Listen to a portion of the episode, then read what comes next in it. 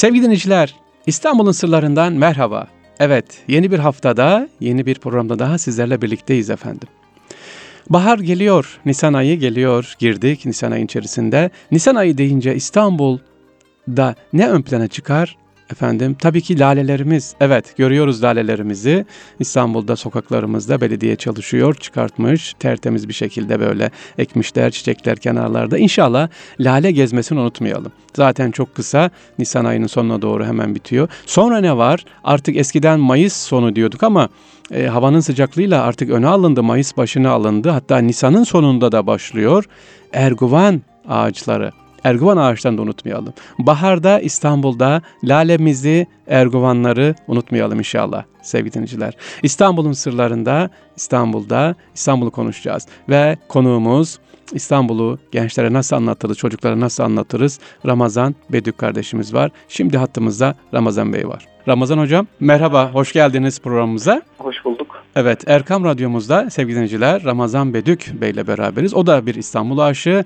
Uzun yılların İstanbul'a, İstanbul'u tanıtımına, İstanbul'un böyle gönül gözüyle özellikle bilinmesi için uğraşan değerli bir kardeşimiz. Dediğimiz gibi sağ olsun e, bana yardımcı oldu, söyledi, ikaz etti. Biz de dedik aman ne güzel gökte ararken yerde bulduk. İstanbul'un özellikle çocuklarımızda tanıtması için neler yapılabilir? Ve Topkapı Sarayı tabii, Dolmabahçe Sarayı, Beylerbeyi Sarayı bunlarla ilgili acaba neler yapılabilir? Tekrar ediyorum ne demiştik benim derdim neydi? Böyle haldır huldur bir gezi değil sakin sakin severek çocukların aa işte burası bizim sarayımız işte ecdadımız diyeceği bir şekilde bir gezi nasıl olabilir? Bunu sorduk Ramazan hocamıza ve başlıyoruz. Sevgili hocam söz sizde. Na çocuklarımıza İstanbul'u öncelikle bunu sorayım. Birinci sorum nasıl sevdirebiliriz? Gençler çünkü onlar sahip çıkacaklar ileride İstanbul'a. Buyurun evet. sevgili hocam. Evet yani çocuklarımıza e, İstanbul'u sev, sevmenin en güzel anahtarı onlara belli bir program çerçevesinde hı hı. E, İstanbul'u İstanbul gezileri yapmak. Hı hı. E, şimdi mesela ben e, bu yıl öğrencilerimle gerçekleştirdiğim projelerden bir tanesi daha önceki yıllarda da vardı da hı hı. ülke e, projenin teması Osmanlı'nın tarihi saraylarını tanıyoruz ve sohbet ediyoruz. Çok güzel. Osmanlı Bakın cümle ne güzel. Sohbetler adını taşıyor. sohbet ediyoruz. Ee, bugün görüyorum evet. sevgili hocam siz gördünüz mü? Yani benim e, derdimi anlayabiliyor musunuz? Saraya girdiğiniz zaman Topkapı Sarayı'na zaten günlük 10 bin kişi giriyor. 100 öğrenci giriyor. 60 e, öğrenci birden giriyor. Nasıl öğrenecek o çocuk? Nasıl yapacak? Ee, bunun çözümü nasıl buldunuz hocam? Buyurun.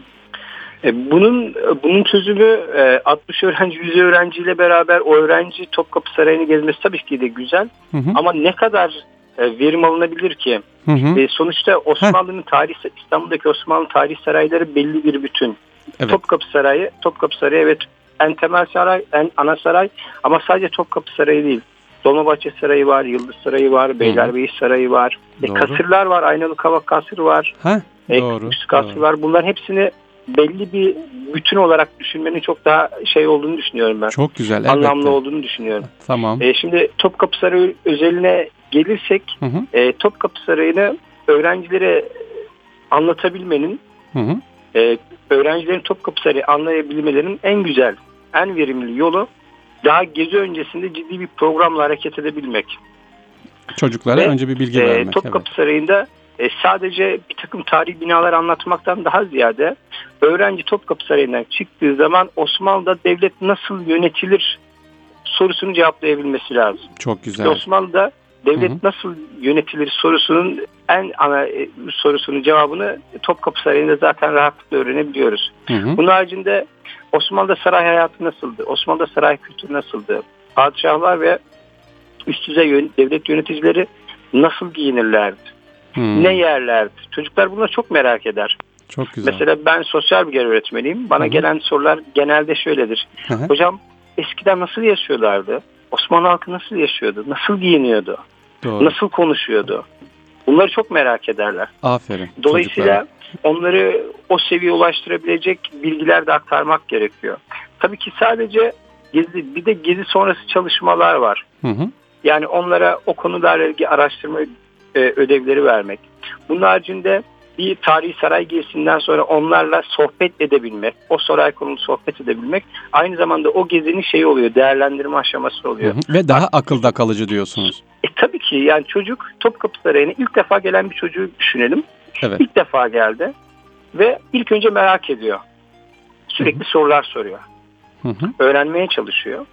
İşte daha sonra işte bunun e, bu geziden sonra öğretmenin e, o Topkapı Sarayı gezisiyle alakalı bir takım ona araştırma ödevleri vermesi. Sonra o araştırma ödevlerini gerçekleştirdikten sonra kendi öğrencileriyle yine bu gezi merkezli bir sohbet edebilmesi öğrenciyi bir üst seviyeye çıkarıyor. Artık soru soran seviyeden daha çok işte saray içinde kıyaslama yapabilen, e, saray içiyle ilgili sarayın yapısı, yaşamı ile ilgili e, kendi fikirlerini beyan edebilecek bir seviyeye ulaşıyor artık. Önemli olan da zaten o öğrenciyi o seviyeye ulaştırabilmek. Hı hı. Öğrenci o seviyeye ulaştığı zaman zaten bir daha Topkapı Sarayı'nı asla asla unutmayacaktır. Çok güzel. Bunu istiyor. Sevgili Ramazan evet. Hocam, şimdi şu sıralamayı önce evet. bir daha verelim. Topkapı Sarayı dediniz, Beylerbeyi Sarayı, Dolmabahçe Sarayı, Yıldız var, Çırağan var. Çırağan'da var mı? Görüyor muyuz? Sarayları evet. gezdirirken çocuklara sarayları Topkapı Saray'dan başlıyoruz. Gezi güzergahımız nasıldı evet. hocam? Şimdi benim bu ilk programım şu. Heh. Ben Osmanlı tarihi saraylarını bir bütün olarak Hı-hı. E, ele alan bir proje bu. Mesela Osmanlı İstanbul'da kaç tarihi sarayı vardır sırasında kaç kişi net bir rakam söyleyebilir? Ya da sayın desek mesela kaç kişi sayabilir? Ben bu sayının çok az olduğunu düşünüyorum. Doğru. Dolayısıyla bu iki öğrencilerimle gerçekleştireceğim projenin e, teması Osmanlı Tarihi Tarihi Sohbetleri.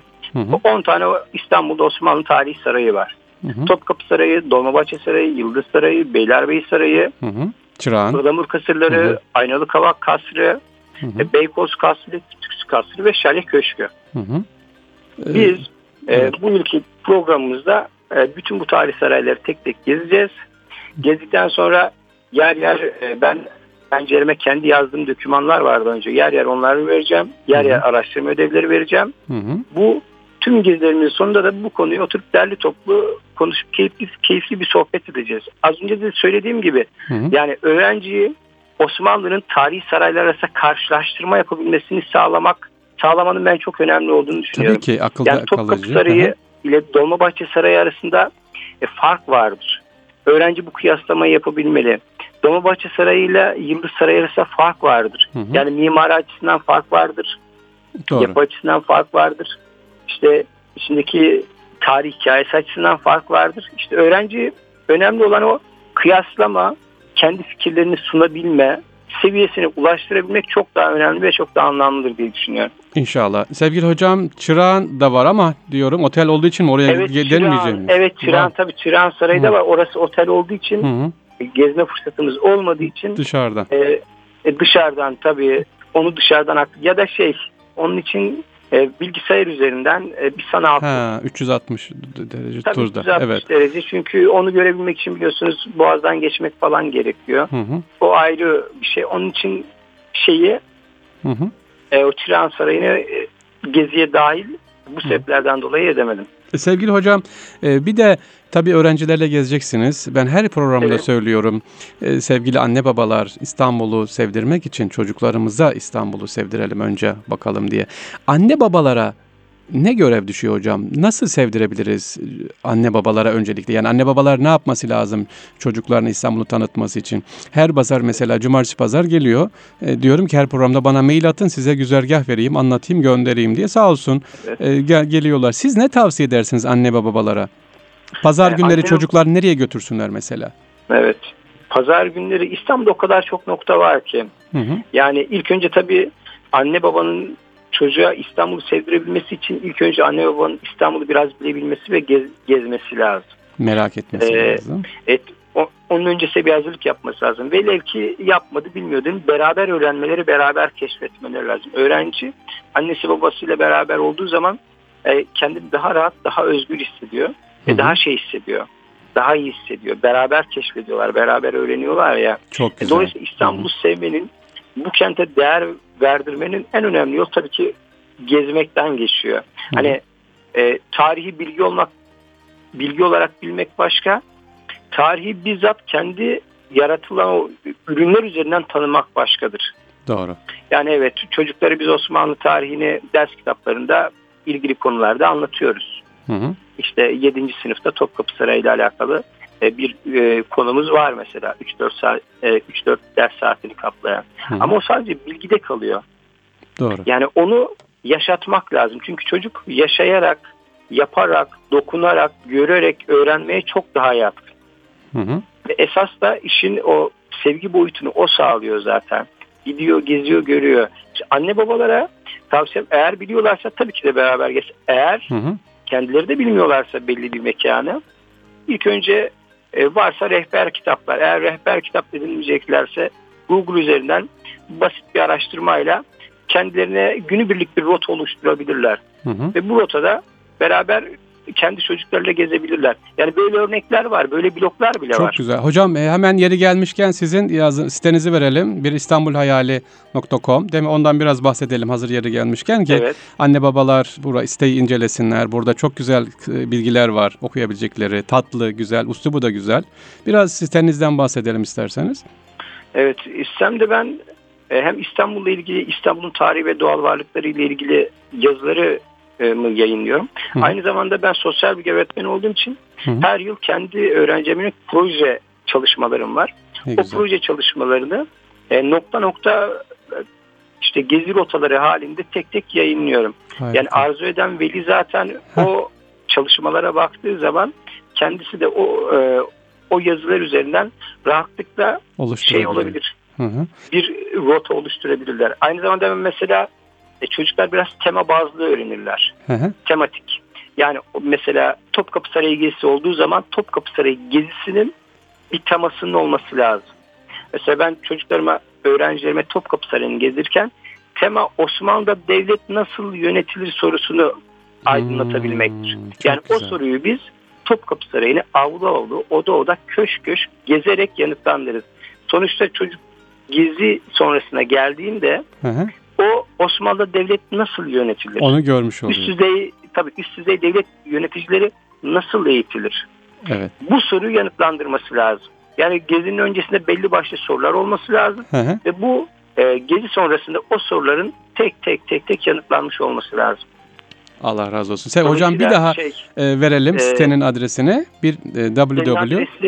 www.biristanbulhayali.com Bu kadar basit. Biristanbulhayali.com'a girdiğiniz zaman sevgili dinleyiciler e, buradan sevgili özellikle anne babalar İstanbul'la ilgili bilgileri, rotaları sevgili hocamdan alabilirsiniz. Hocam son bir sorum var. Konumuz evet. Topkapı Sarayı ile alakalı. Ben de bundan muzdaribim yıllardır. E, Topkapı Sarayı'nı günlük e, bana verilen bilgilere göre 10 bin kişi geziyor. Ve bu 10 bin kişinin rakamlar yine doğruysa 8 bini e, yabancı. Yani 10 bin kişi geziyor ama 8 bin kişi. Biz niye merak etmiyoruz kendi sarayımızı, kendi eserlerimizi? E, bunun nerede bir takıntısı var? Nerede hata yapıyoruz evet. sizce? Yöntem eksikliğimiz var. Nedir sevgili hocam? Yani e, her işin başı bir şekilde eğitime dayanır zaten. Yani e, bu konuda eğitimle alakalı e, ciddi sıkıntılarımız olduğunu düşünüyorum. O zaman e, iş size düşüyor tabii yine değil mi? Geldi. E tabii yani Hı. iş e, öğretmenlere düşüyor, bakanlığa düşüyor, Hı. işte şeyin eğitim yöneticilerine düşüyor. İlk önce ki de bize düşüyor yani e, sonuç olarak. Yani bununla ilgili e, projelerin e, projelerin yapılıyor ve uygulanıyor olması lazım. Bu Hı. konuyla alakalı. Yani zaten çocuk gezdiği zaman daha fazla merak edecek. Hı hı. E bir de tabii çocuk kendi başına gezemeyecek. Yani büyüklerin projeler uygula, e, ortaya koyması ve onu uygulaması lazım. Hı hı. Yani büyüklerin elinden tutması lazım çocukların ki evet, e, evet. çocuklar da gezebilsinler. İnşallah. Evet e, sevgili dinleyiciler Erkam Radyomuzda değerli hocamız Ramazan Bedük kardeşimizle birlikteydik. İstanbul sever hem öğretmen ve gönlü çocukların özellikle ki burada birleşiyoruz kendisiyle İstanbul'u, ecdadı nasıl tanıtabiliriz diye bu aşkla yanıyor. Allah razı olsun konuğumuz oldu. İstanbul'u tanımak isteyen, çocuklarını tanıtmak isteyen sevgili anne babalar tekrar ediyorum. Bir İstanbulhayali.com'a girerseniz hocam az önce belirtti. Burada size küçük küçük rotalar var. Takip edersiniz ve ne dedi? Özellikle temalı gezileri tavsiye ediyor hocam. İnşallah. Sevgili hocam çok teşekkür ederiz. Tekrar inşallah görüşmek üzere. Allah'a emanet olunuz. Ederim. İyi günler. Sağ olun. Kolay gelsin hocam.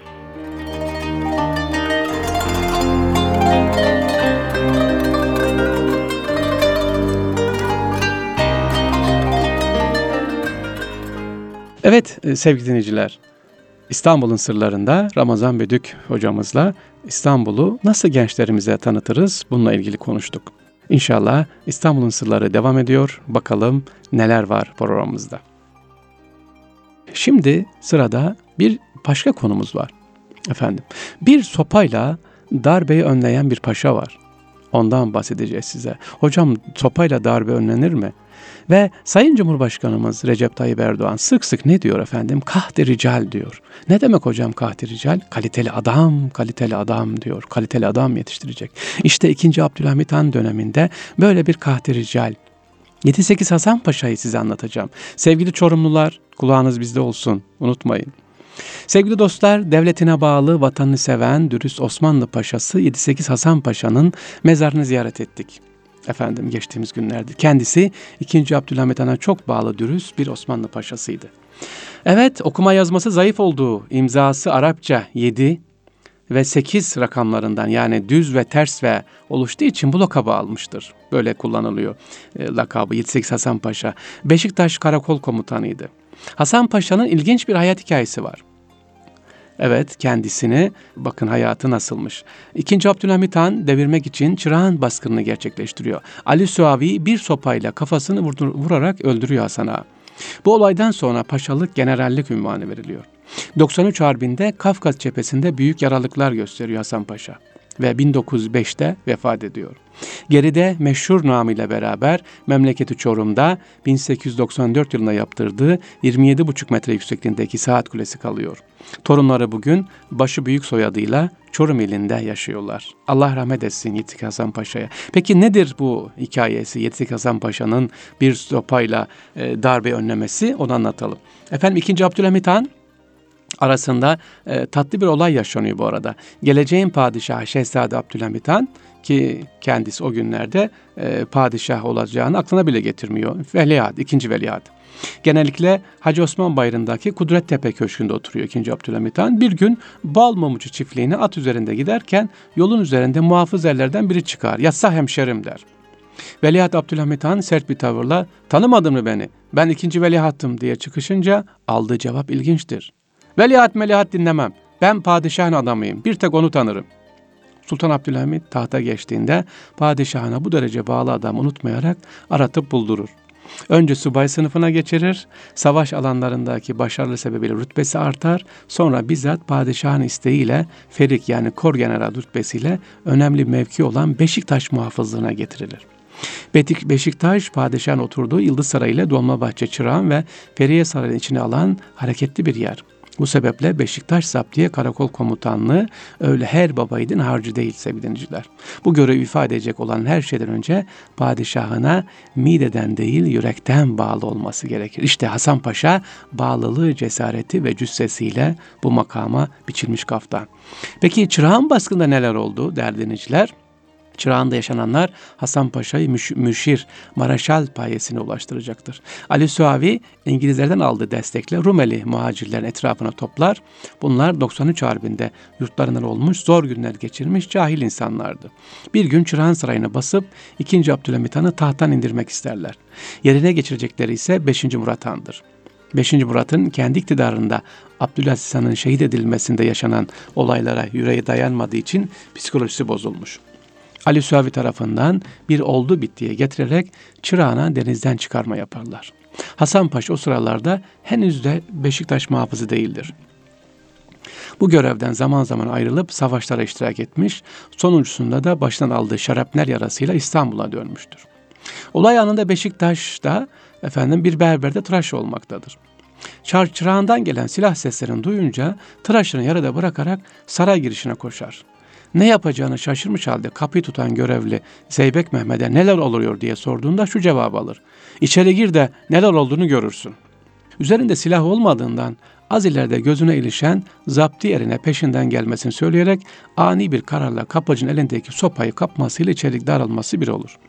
Bu arada tabii karakola da haber vermesini tembihler. İçeri girdiğinde Çırağan Sarayı'nın harem kısmında gelen kadın çığlıkları Sultan Murat çok yaşa naralarına karışıyordu. Giriştikleri tehlikenin sonucunu düşürmeyen zavallı kalabalık Murat Han'ı ortalarına almış bağırışıyorlardı. Grup tam önlerinden geçerken birdenbire doğrulur ve elindeki sopayı kaldırarak Murat Han'ın kolundan çekiştiren ve en çok bağıran seyrek sakallı adamın kafasına indirir. Öyle vurmuştur ki zavallı gık diyemeden yüzüstü yıkılır. Bu şahıs baskın işini tertipleyen meşhur Ali Suavi. Evet gerçekleşseydi Türkiye'yi batağa sokacak olan bu olay hakkında Hasan Paşa'dan bilgi alan Sultan Hamit Han bu önemli hizmetini gayreti basit bir işmiş gibi anlatmasından çok hoşlanır. Hasan Paşa artık müşür rütbesiyle Beşiktaş Karakol Komutanı olmuştur. Evet Hasan Paşa'mız bu. Kendisi cesaretli. Yani niye anlattım bunu sevgili dinleyiciler? E, kahdi rical. Kaliteli adam çok önemli. Bugünlerde özellikle yani e, devletine bağlı, milletine bağlı kaliteli adam. Ha biz Hasan Paşa ne oldu efendim? Hasan Paşa bir gün görevi başındayken hastalanır. Gelen doktor lavman yapılmasını ısrar eder. Hasan Paşa neden rahatsızlandığını çok iyi bildiğinden ayak diretirse de zorla yapılır. Hemen sonra fenalaşarak başucunda bekleyen eşine Gülnaz beni zehirlediler. Hasan'ın gidiyor artık dedikten sonra 15 dakika sonra hayata gözlerini yumduğunda 80 yaşındadır. 1905. Çok sevdiği ve güvendiği bir insanın ölüm sebebini kimseye anlayamaz. Sultan Abdülhamit Han anlamıştır. Hasan Paşa muhteşem bir cenaze töreniyle Beşiktaş'taki karakolun yanındaki Barbaros Hayrettin Paşa'nın türbesinin karşısına defnedilir. Kabri üzerinde etrafı açık bir kubbe yapılır. Peki sonra ne oldu değerli dinleyiciler? Hasan Paşa vefatında muhafızlık yaptı Beşiktaş'ta Barbaros Hayrettin Paşa türbesi sahasına defnedilmişti. Üzerine Mimar Kemalettin tarafından bir türbe yapılmıştı. Fakat 1937 yılında hükümet kararnamesi ile burası istimlak ediliyor. 7-8 Hasan Paşa'nın türbesi yıktırılıyor. Yahya Efendi'ye mezarı taşınıyor. Peki türbe niye yıkıldı derseniz o sırada İngiltere'de misafir olarak ülkemize gelen Prens Edward, Beşiktaş'taki Barbaros Hayrettin Paşa türbesini görmek istemesi üzerine bu türbenin daha ihtişamlı durduğu nedeniyle bu türbe yıktırılıyor efendim. Yerine de bugünkü Hayrettin Paşa'nın anıtı yapılıyor. İşte sizlere anlattığımız 7-8 Hasan Paşa'nın hikayesi, kahramanlıkları, türbesi yıktırılıyor. Niye? Prens Edward gelecek ama mahcup olmayalım. Orada Barbaros Hayrettin Paşa'dan büyük olmasın diye. Ama hepsi tabii ki kahraman. Barbaros Hayrettin Paşa da bizim kahramanımız, efendim ecdadımız. 7-8 Hasan Paşa'da bir mimari eser düşünün yıktırılıyor. Evet hepsine Allah'tan rahmet diliyoruz sevgili dinleyiciler.